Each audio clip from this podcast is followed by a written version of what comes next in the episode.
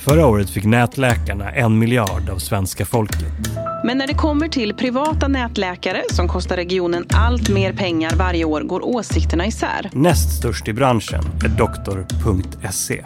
År 2000 så registrerade han säkert 50-60 domännamn och då satt han på doktor.se och sen så då ja, 16 år senare så kände han att eh, nu är det läge. De två grundarnas aktier är idag värderade till 800 miljoner.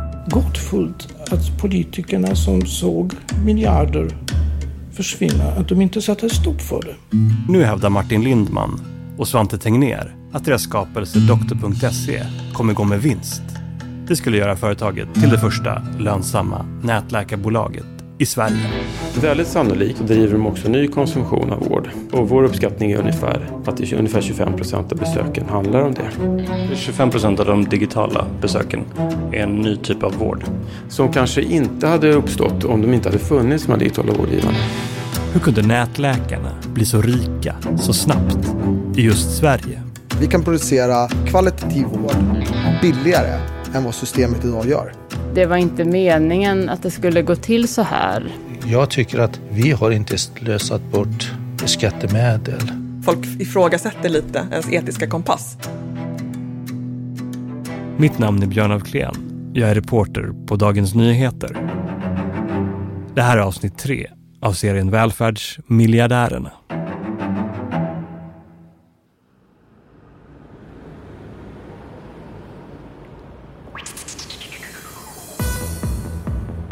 Millennieskifte i Stockholm. Högkonjunktur för Bingo Rimér, fotografen som bildsätter den nya stekarkulturen runt Stureplan. Snart ska han ge ut här tidningen More, men Bingo, och hans affärspartner Svante Tegnér, ägnar sig också åt att lägga beslag på potentiellt lukrativa domäner på internet. De registrerar sajtnamn som mat.se och sprit.se. Jag reggade bio.se och hade möte med Hans Wiklund och jag reggade liksom religion.se och hade möte med Runar. Alltså jag reggade ju bingo.se för att jag heter Bingo. Men sen gjorde vi ju en, en bingoportal. Vi startade ju ett bingobolag alltså, som vi drev i flera månader och som vi sen sålde till Maria Bingo. Duon registrerar även doktor.se. Någonstans, hävdar Bingo, närde Svante Tegnér en affärsidé om vård på nätet. Han hade ju en, eh, en idé om att göra sjukvården tillgänglig digitalt. Liksom.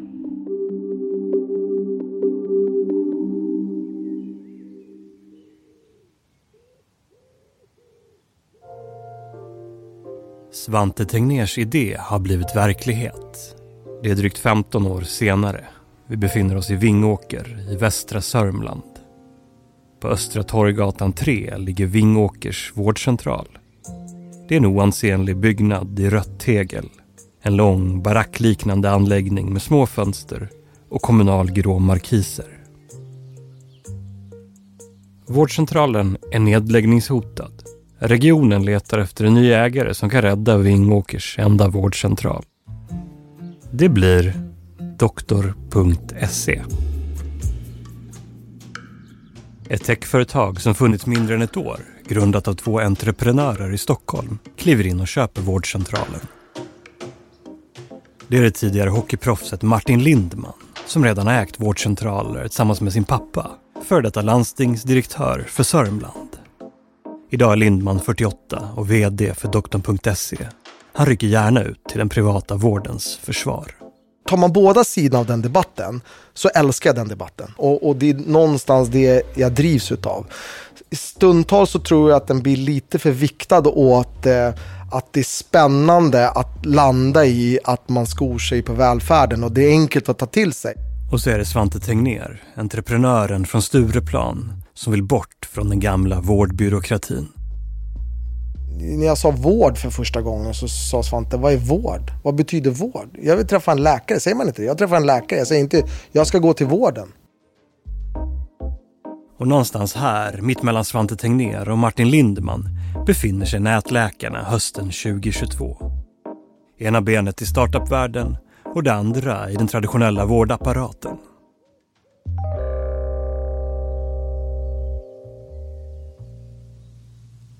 Vårdcentralen i Vingåker ser inte mycket ut för världen, men den ska visa sig få avgörande betydelse. Köpet av vårdcentralen i Vingåker blir startpunkten för Sörmland som ett nytt näste för Sveriges nätläkare. När Doktor.se tar över den 1 januari 2018 sker en stor förändring. Alla digitala samtal som nätläkaren tar emot registreras på den lilla vårdcentralen i Vingåker. Helt oavsett var i Sverige som patient och läkaren faktiskt befinner sig så bokförs samtalet på vårdcentralen i västra Sörmland. Ett år efter köpet slussas nästan 20 000 patienter per månad via den lilla vårdcentralen till digitala läkare runt om i Sverige. Men 96 procent av de 20 000 personer som konsulterar doktor.se under en månad i början av 2019 befinner sig inte ens i Sörmland. De allra flesta ringer från Stockholm och andra storstäder. Nu kan alltså patienter från andra län få gratis vård via den här sajten genom det fria vårdvalet. Men hemlandstinget får sedan notan. I Sverige har man rätt att uppsöka ett sjukhus eller en vårdcentral helt oavsett var man befinner sig. Nationalekonomen Lina Maria Ellegård vid Lunds universitet. Och den fakturan skickas sedan vidare till patientens hemregion. Och hemregionen kan inte välja att inte betala utan de måste betala. Så det här är en ganska unik konstruktion.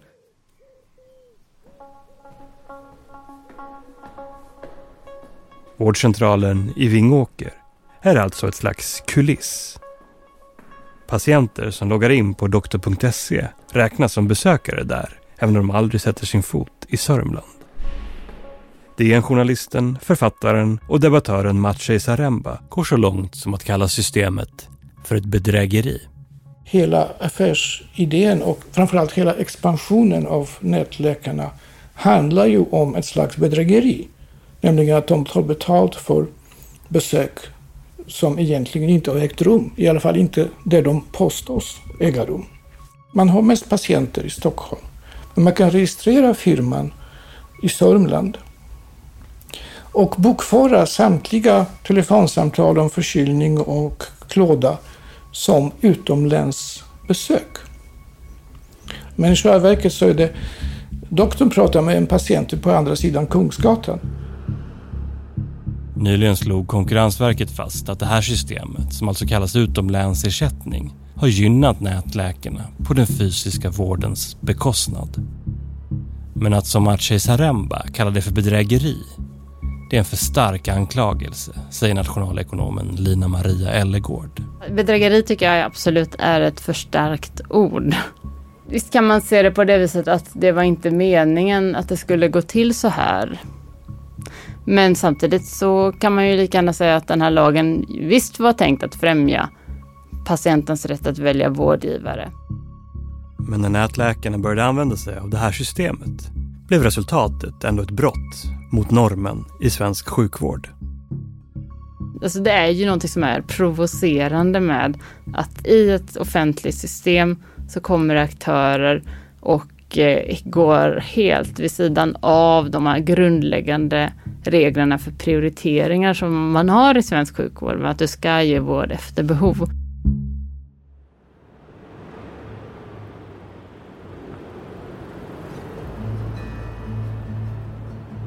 Och det var alltså Martin Lindman och Svante Tegnér som köpte eh, vårdcentralen i Vingåker 2018. Lindman är det gamla hockeyproffset som aldrig älskade att spela hockey. I bussen på väg till matcher satt han längst bak och läste Paulo Coelho. Han är krallig och energisk, men vittnar också om perioder av mörker och svårmod. Nyligen på en konferens med Doktor.ses verksamhetschefer berättade Lindman öppenhjärtigt om sin prestationsångest. Kombinationen av att driva ett mångmiljardbolag och vara trebarnsfar tär. Men jag tror att, eller jag har varit ganska duktig på att förminska mig själv. Och, och I yngre dagar så har jag nog haft svårt att dra gränsen för när det är. Och eh, vilket har under perioder då skapat Eh, ganska mycket svarta och eh, svårigheter och, och tyngd. Eh, jag har haft de perioderna under min idrottskarriär som varit väldigt eh, besvärande och jobbiga. Eh, men där är det någonstans, där går det så fort och där är en del av liksom processen. Och, vinna försvinna mentaliteten. Och så kommer man ut i, i yrkeslivet och så, så, får jag det externa trycket på det. Och så vill man klara av saker och ting och så, så mår man sämre och så mår man sämre. Martin Lindman spelade hockey i den högsta tyska ligan och avslutade sin karriär i Djurgården 2007. Han är nummer 48 och bor på Lidingö i Stockholm. Han klär sig i diskreta chinos och dyra sneakers. Vid ett tillfälle när vi ses bär han sina tillhörigheter i en svart bag som på håll ser ut lite som en gammeldags doktorsväska. Men kommer man närmare ser man att den är märkt med fyra små bokstäver i guld. Dior.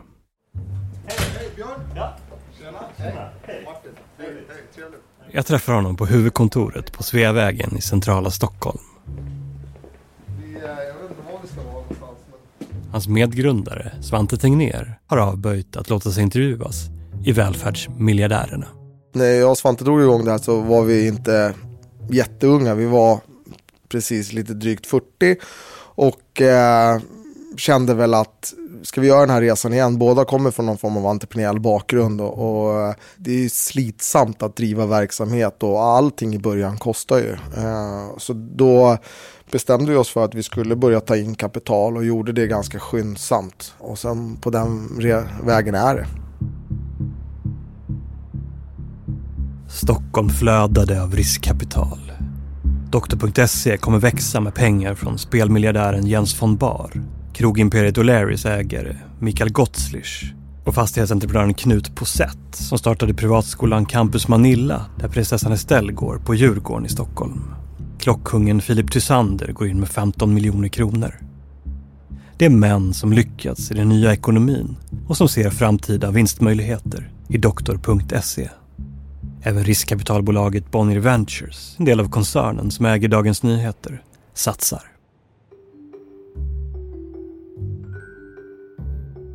Det var alltså Martin Lindman och Svante Tegnér som knäckte Sörmlandskoden. Deras drag i Sörmland skapade snabbt rubriker. När man konsulterar en läkare via nätet har man som patient hittills varit tvungen att betala för det men sedan årsskiftet går det att anlita tjänsten avgiftsfritt. Nätaktören doktor.se har nämligen tagit över en vårdcentral i Sörmland. Det fina med Sörmland var att patientavgiften i primärvården hade sänkts till noll. Beslutet genomfördes 2017 ett initiativ från politikerna för att minska trycket på regionens akutmottagningar och göra vården mer jämlik. Beslutet innebar att även digitala besök som registrerades vid Sörmlands vårdcentraler blev gratis. Det kostade alltså ingenting att ringa nätläkare som registrerat sig i Sörmland. Det kostar 200 kronor för mig att besöka en läkare på vårdcentral här på Gotland. Men på nätet kan jag träffa en läkare gratis. Därför att på nätet suddas gränserna ut mellan Sveriges olika landsting kan man säga. Det är den första nätläkaren i Sverige som är helt gratis men den kan säkert komma att följas av fler. Och det här växer. Det växer över huvudet på våra styrande sjukvårdspolitiker och vi ska prata om det. Efter köpet av vårdcentralen i Vingåker växte doktor.se som en gödkalv. Det har inte varit det eh, avgörande utfallet eh, för oss men, men på något sätt så var det ju klart en USP. Det var någonting som diskuterades och vi hamnade på kartan. Det formades ett lämmeltåg av nätläkare till just Sörmland. Kry och min doktor köpte också vårdcentraler där och började registrera sina samtal i landskapet. Och efter ni hade etablerat er i Vingåker så kom Kry och min doktor också till Sörmland? Ja, eh, nästan eh, lite drygt ett år senare. Journalisten Maciej Saremba. Jag undrar till exempel om en sån här manöver som det här bedrägeriet med, med utomlänsersättning, om det hade kunnat passera i Danmark eller i Norge. För det är en gåta som sagt för mig varför man inte har satt stopp för det här.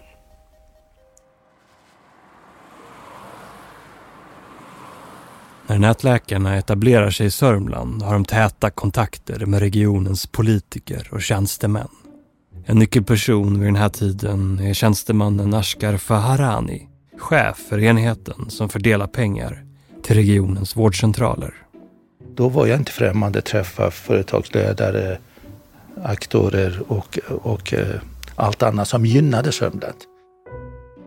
Den dåvarande vårdvalschefen Ashkar Faharani har berättat att han träffade representanter för respektive nätläkarbolag 8-9 gånger. Inför försäljningen av vårdcentralen i Vingåker intensifieras kontakterna med doktor.se. Och då, då pratade vi att, att den finns och då blir vi tacksamma om seriöst företag kommer och, och utöver det, det, det är bara gratulera Martin som hade andra visioner och tankar än jag visste och hade hoppats på då. Idag har Ashkar Farahani ett nytt jobb. Han är nationell vårdchef på doktor.se. Nätläkaren rekryterade alltså en tjänsteman som kanske varit en förutsättning för bolagets expansion i Sörmland.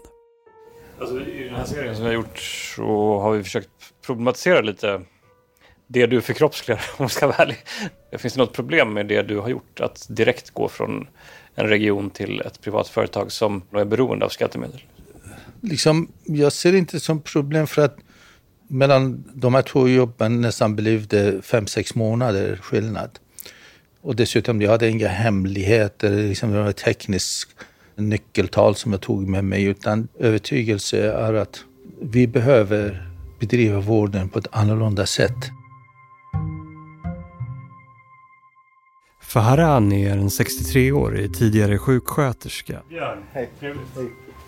Jag träffar även honom på huvudkontoret på Sveavägen i centrala Stockholm. Jag avslutar den här diskussionen om din resa. Alltså, även om du inte såklart läckt några nyckeltal från Sörmland så är det värdefullt såklart för doktor.se att förstå hur man tänker och pratar hos regionerna. Vilket du kan bidra med antar jag.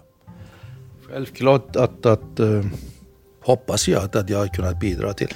Även om det var Faharani som var med och genomförde försäljningen av vårdcentralen till doktor.se kunde han i den dåvarande rollen som vårdvalschef i Sörmland framföra kritik mot nätläkarna.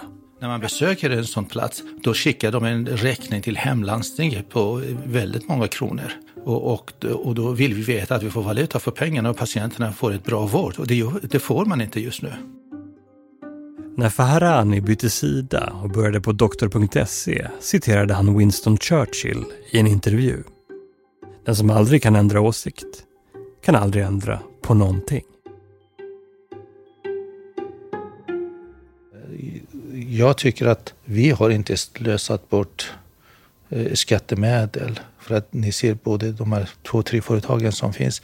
Alla har ett antal kronor minus. Det är investerarnas pengar som man har använt för att investera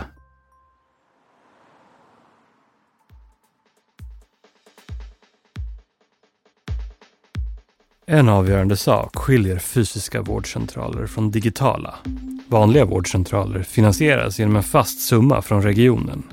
Men nätläkarna begränsas inte av några budgettak eftersom de får betalt per besök. Idag har doktor.se över en miljon registrerade användare. Det är kanske inte så förvånande, säger nationalekonomen Lina Maria Ellegård. Alltså man, man kanske tänker att de är väldigt nytänkande och så vidare. På ett sätt så är de ju nytänkande när de kommer att koppla ihop patienter och läkare över hela landet. Men på ett annat plan är det ingen nyhet alls att om du får betalt per besök så kommer du sträva efter att ha en högre tillgänglighet. Och Faktum är att eh, primärvården är ju mycket designad för att inte ha den typen av incitament.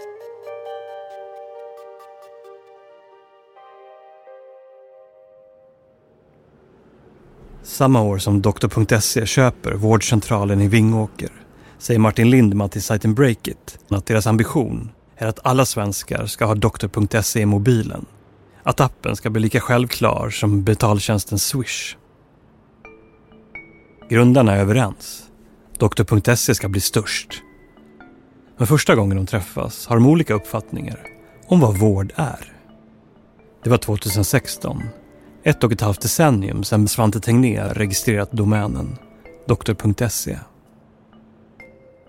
Jag eh, undrade lite vad jag skulle kunna göra med Svante gällande vård.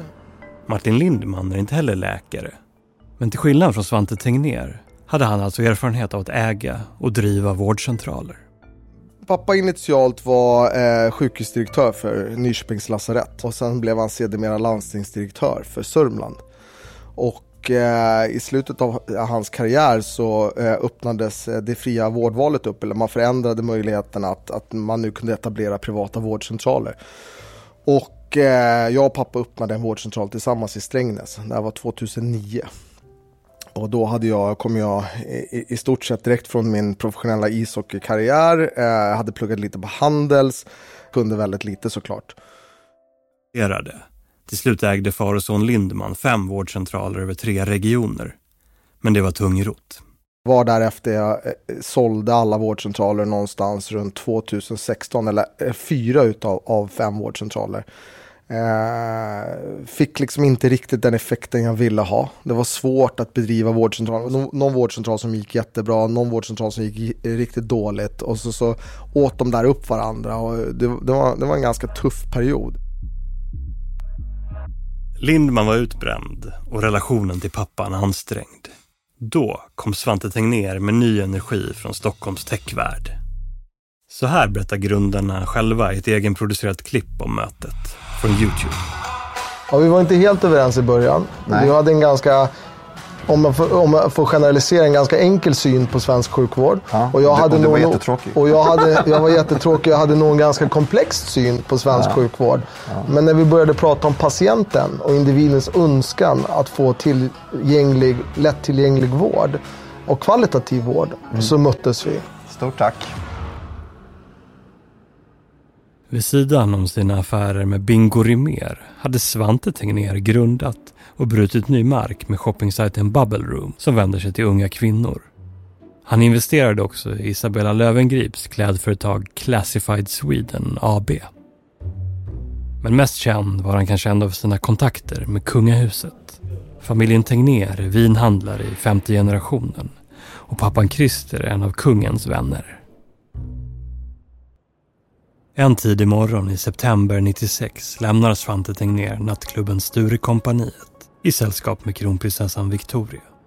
Det hela fångas på bild och Svante Tegnér skrivs för evigt in i historien om tronarvingens tidiga kavaljerer. När han är 24 grundar han pojkbandet First Class. First class, first single, God knows true, it's on the way, it's a Girl, you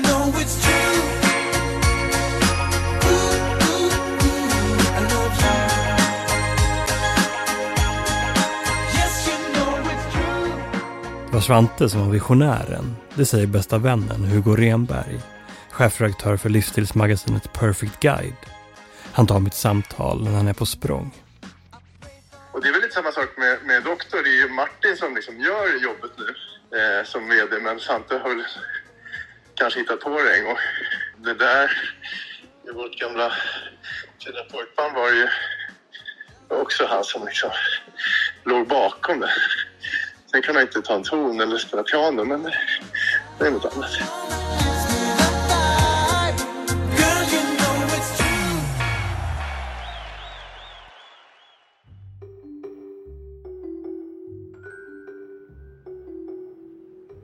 Svante Tegnér och Martin Lindman inleder sina diskussioner om doktor.se. Och han och jag eh, tjafsat några gånger när han tycker jag är lite vårdtråkig. Tegnér tycker att Lindman slänger sig med för mycket vårdbyråkratisk mumbo jumbo.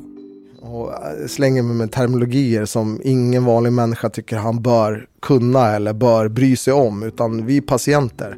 Och jag gillar det perspektivet. Jag gillar att, mm, att det är en sån fokus på individen. Och stundtals så tror jag att vården, och om man har jobbat så länge inom vården, att man blir ibland lite liksom, eh, systemförstörd. Vad, vad, kan det vara för begrepp eh, från den traditionella vården som du slänger dig med, som han eh, tycker du borde tona ner? Eh, ja, men just ordet vården. Det var Svante väldigt irriterad på i början. Att, att jag pratade om vården, man skulle söka vård. Han bara, vad är vården för någonting?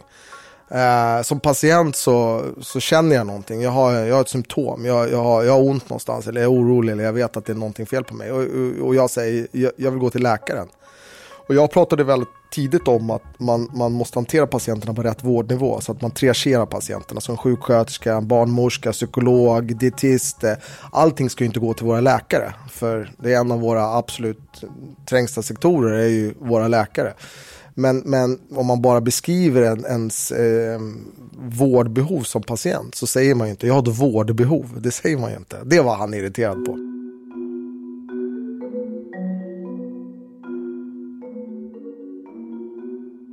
Idag jobbar nästan 400 läkare för doktor.se.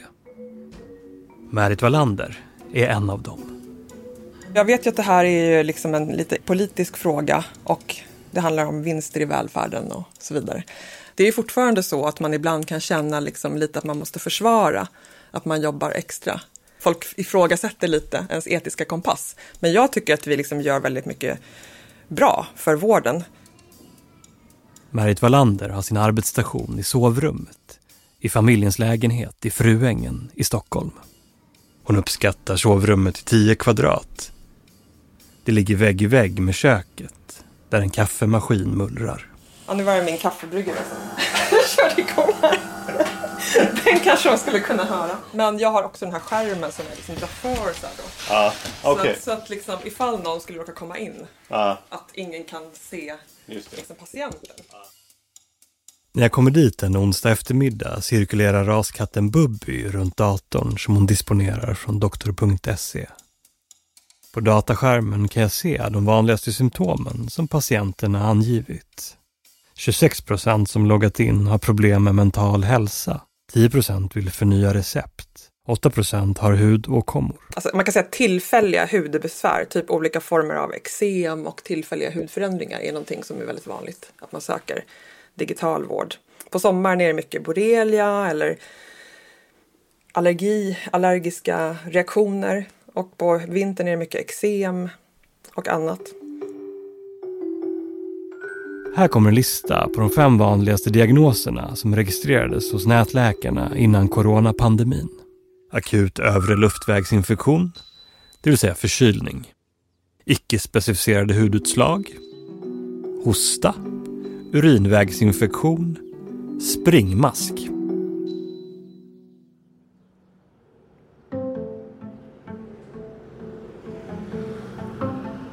Kritiker av nätläkarföretagen säger att skattemedel går till fel patientgrupp. En myndighetsrapport publicerad tidigare i år slår fast att nätläkare främst konsulteras av unga höginkomsttagare i storstan, den friskaste gruppen i vårt samhälle. Författaren och ämbetsmannen Per Molander sitter i styrelsen för Myndigheten för vård och omsorgsanalys som publicerade rapporten. Det har vi kunnat konstatera både bland vårdgivare och i viss mån bland skolor att eh, man söker sig till de befolkningsskikt, alltså de delar av befolkningen, kunder som man gärna kallar dem i de här kretsarna, som är, är gynnsammast för den egna verksamheten. Kritiken mot nätläkarna påminner om den som riktas mot friskolorna. Inte minst i årets valrörelse, där partierna bråkar om hur vården ska utformas. Vi kan inte bedriva svensk sjukvård som ett börsbolag. En gång i tiden så fungerade svensk välfärd mycket bättre. Det var innan marknadsskolan, innan marknadsvården. Ja, men att lyssna på Nooshi Dadgostar det är ju som att lyssna på ett gammalt Rederiet-avsnitt på repris. Det är mycket känslor, det är lite nostalgi och man vet redan hur det slutar, nämligen att allt är ägarnas fel. I debatten brukar det hävdas att friskolor är skickliga på att locka till sig barn till välutbildade, så kallade lätta elever. Det innebär att skolorna kan anställa färre lärare jämfört med en skola med fler så kallade problembarn och därmed kan man förbättra det ekonomiska resultatet. Samma sak med nätläkarna. En del av den digitala vården avlastar de fysiska vårdcentralerna. Men nätläkarna har även skapat en ny form av vårdkonsumtion. Då handlar det om lättare patienter med lättare åkommor. Jean-Luc av Geijerstam är generaldirektör på Myndigheten för vård och omsorgsanalys och själv läkare.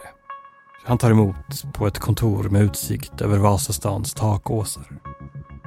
Frågan vi ställde oss det var ju till exempel, är det så att man kan i alla fall i teorin tänka sig att de här digitala vårdbesöken skulle avlasta på något sätt den fysiska vården. Det är ju vad de själva ofta hävdar. Ja, och det hade vi som en tydlig frågeställning i vår studie. Och vad vi kan se så kan man säga på den frågan att ja, de ersätter en del fysiska besök. Men väldigt sannolikt så driver de också ny konsumtion av vård.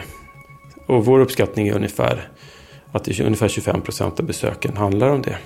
25 procent av de digitala besöken är en ny typ av vård. Ja. Som kanske inte hade uppstått om de inte hade funnits, de här digitala vårdgivarna.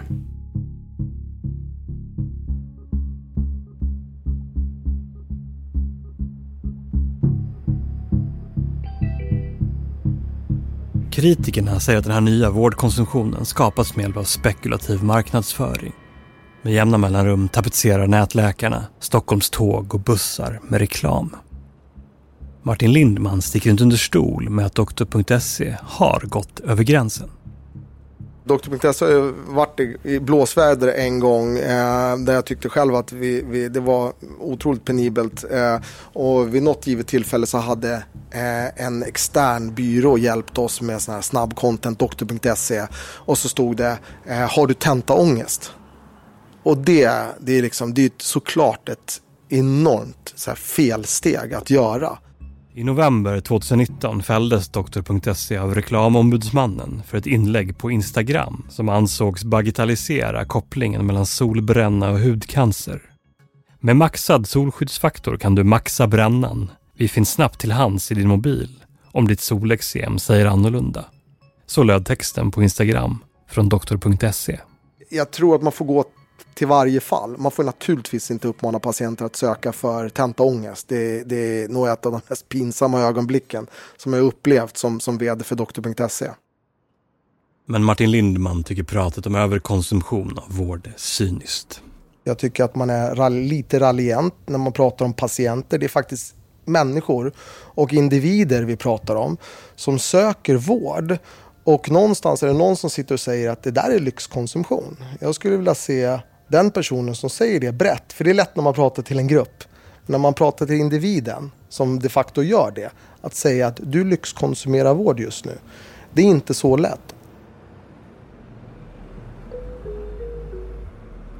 Namnet till trots har Doktor.se öppnat många fler fysiska vårdcentraler sedan man tog över den i Vingåker.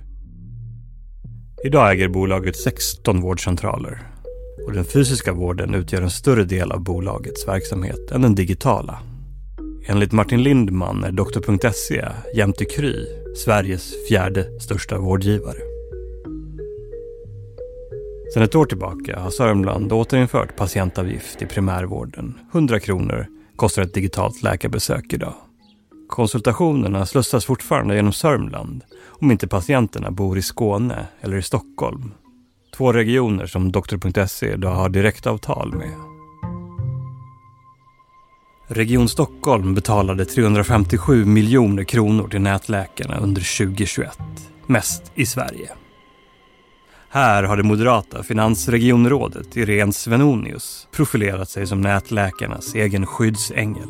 Det vi gör handlar om att vi ska ha en ännu bättre sjukvård för våra patienter. I sin bok Jag vill avskaffa mig själv går Svenonius så långt som att varna politiker för att investera i nya fysiska sjukvårdsbyggnader som om tio år kan vara onödiga. Det gäller att ställa om i tid eftersom de digitala vårdbesöken kommer ersätta de fysiska. Irene Svenonius har tackat nej till att låta sig intervjuas för den här podden.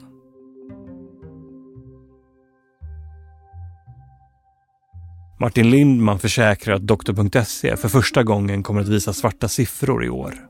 Det skulle göra Doktor.se till den första lönsamma svenska nätläkaren.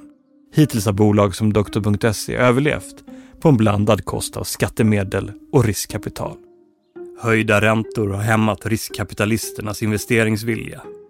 Men samma dag som vi träffar Martin Lindman i mitten av augusti meddelar Doktor.se att företaget säkrat hundratals miljoner i färska pengar. Bland annat 60 miljoner från nätkasinoentreprenören Gustav Hagman. Vi precis säkerställde en, en kapitalrunda eh, där vi skulle, hade ambitionen att ta in 200 miljoner. Vi blev övertecknade, eh, tog sedermera in 275 miljoner. Så vi, vi säkerställde kapitalet, så pengarna viktade mot att fortsätta att växa, kunna göra mer saker. Om Doktor.se blir lönsamma i år skulle ägarna för första gången kunna plocka ut vinst. Den kinesiska riskkapitaljätten Tencent är en av Doktor.ses ägare. I juli 2021 investerade Tencent 300 miljoner i Doktor.se. En kontroversiell affär eftersom Tencent har nära band till den kinesiska regimen. Den socialdemokratiska oppositionen i Region Stockholm ville att affären skulle ägarprövas, det vill säga granskas av politiker. Man var oroad för att den kinesiska staten skulle få insyn i svenskars sjukdata. Totalförsvarets forskningsinstitut, FOI, ska nu på regeringens uppdrag utreda utländskt ägande inom både svensk skola och vård. Och Socialdemokraterna går till val på att stoppa vad man kallar utländska bolags kapitalisering på svensk välfärd. Dina skattepengar förvandlas till bolagsvinster och aktieutdelning hos utländska riskkapitalister.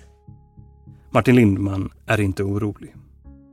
Vi tycker att vi har eh, en tydlig struktur på bolaget hur vi hanterar våra affärer och det som har dykt upp, det tror jag inte att det är nödvändigtvis att vi har ett kinesiskt bolag som har investerat i oss, utan det är snarare rädslan för att har de då möjligheter att tillskansa sig någon form av, av, av data eller trafik? Och, och där är det tydliga svaret såklart nej. Domänen som Svante Tegnér registrerade vid millennieskiftet är idag ett bolag värderat till drygt 6 miljarder. Hur ofta tänker du att du vill göra en exit? Uh, väldigt sällan. Jag har det ju bra ställt. Vi, vi, eh, vi bor bra, vi kan äta bra. Eh, barnen går i, i, som alla barn i Sverige, de flesta barn i Sverige går i bra skolor. Eh, och eh, vi har det bra. mycket på grund av att vi bor i Sverige. så att exiten handlar väldigt lite om det. Men ibland så tror jag att det handlar mer om att, att det är slitet. Om de två grundarna sålde sina aktier skulle de tjäna nästan 800 miljoner enligt dagens marknadsvärde. Den ena, Svante Tegnér, jobbar inte längre operativt i doktor.se. Till skillnad från Martin Lindman skyr han debatten om vinsterna i välfärden.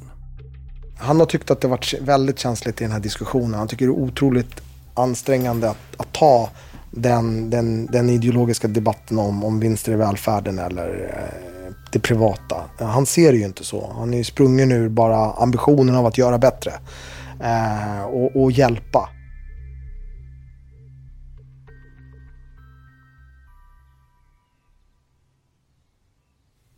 I serien Välfärdsmiljardärerna har jag beskrivit hur makt och pengar flyttas från skattebetalare till entreprenörer genom privatiseringen av vård, skola och fastigheter. Nätläkarna har just satt igång. Men en av Sveriges mest respekterade ämbetsmän, Per Molander, säger att det kan vara början på en amerikanisering av svensk sjukvård i stort. Han tar emot på Statavägen i Uppsala i en mexitegelvilla full av böcker och konst från Mali. Den, den lilla effekt som nätläkarna än så länge har haft den är att den, den dämpar den utjämnande effekt som traditionellt finns i hälso och sjukvården. Nätläkarna spär på ojämlikheten, säger Per Molander, som också var ordförande för regeringens jämlikhetskommission. Både skolan och vården har till uppdrag att utjämna skillnader mellan välmående och utsatta. Den försvagas då när de vinstdrivande vårdgivarna söker sig till de patientgrupper som, som ur deras perspektiv är gynnsamma att hantera. Därför att de inte är så sjuka eller på något annat sätt gynnar verksamheten. Men det är inget helt nytt fenomen, säger Per Molander och jämför med den klassiska franska komedin Knock, Medicinens triumf av Jules Romain. Doktor Nock, en doktor som kommer till någon liten fransk småstad och etablerar sig. Och när pjäsen är slut så har han hela befolkningen i sitt våld. Alla, alla han har fått alla eh, stadens invånare att varje morgon ta sin temperatur och, och känna sig sjuka. Och så har han då skapat den här efterfrågan. Så att det, det, det är inget eh, nytt detta utan det är en klassisk eh, problematik. Regeringen ska nu ta reda på vad nätläkarna egentligen erbjuder för typ av vård. Slutsatserna väntas i augusti 2023 och de kan påverka hur mycket skattemedel som i framtiden ska gå till företagen. Martin Lindman säger att nätläkardebatten ytterst handlar om ideologi. Men det är en debatt han är beredd att ta, till och med med sin egen familj. Jag, jag, jag tror för mig handlar det om att jag vet vad vi kan göra. Vi kan göra så att vi kan producera kvalitativ vård billigare än vad systemet idag gör. Det är intressant från allas perspektiv och det är det vi de facto säger att vi kan göra. Sen vet jag att under den här vägen så kommer det bli diskussioner, diskussioner som jag gillar. Jag har de här diskussionerna med min familj. Det är, inte, det är inte för alla människor självklart att det ska vara de här typen av summor, de här typen av värderingar, den här typen av möjlighet till att tjäna pengar i ett välfärdssystem. Jag fattar det. Eh, det, det är fine. Jag är uppvuxen i den, i den familjen, i den miljön. Jag tycker det är sunda diskussioner att ta. Men det kommer inte hindra mig från att ha ett tydligt mål av att i slutändan så vet jag att vi kommer kunna göra en skillnad. Jag vet det.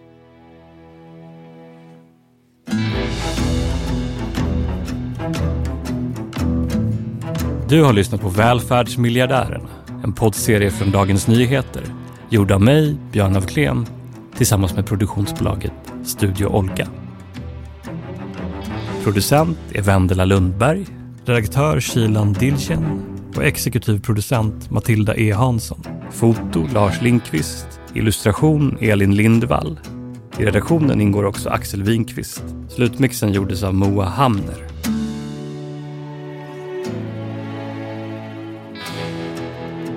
I avsnittet som gjordes under sommaren 2022 har du hört klipp från SR, SVT, Expressen, Doktor.se och pojkbandet First Class.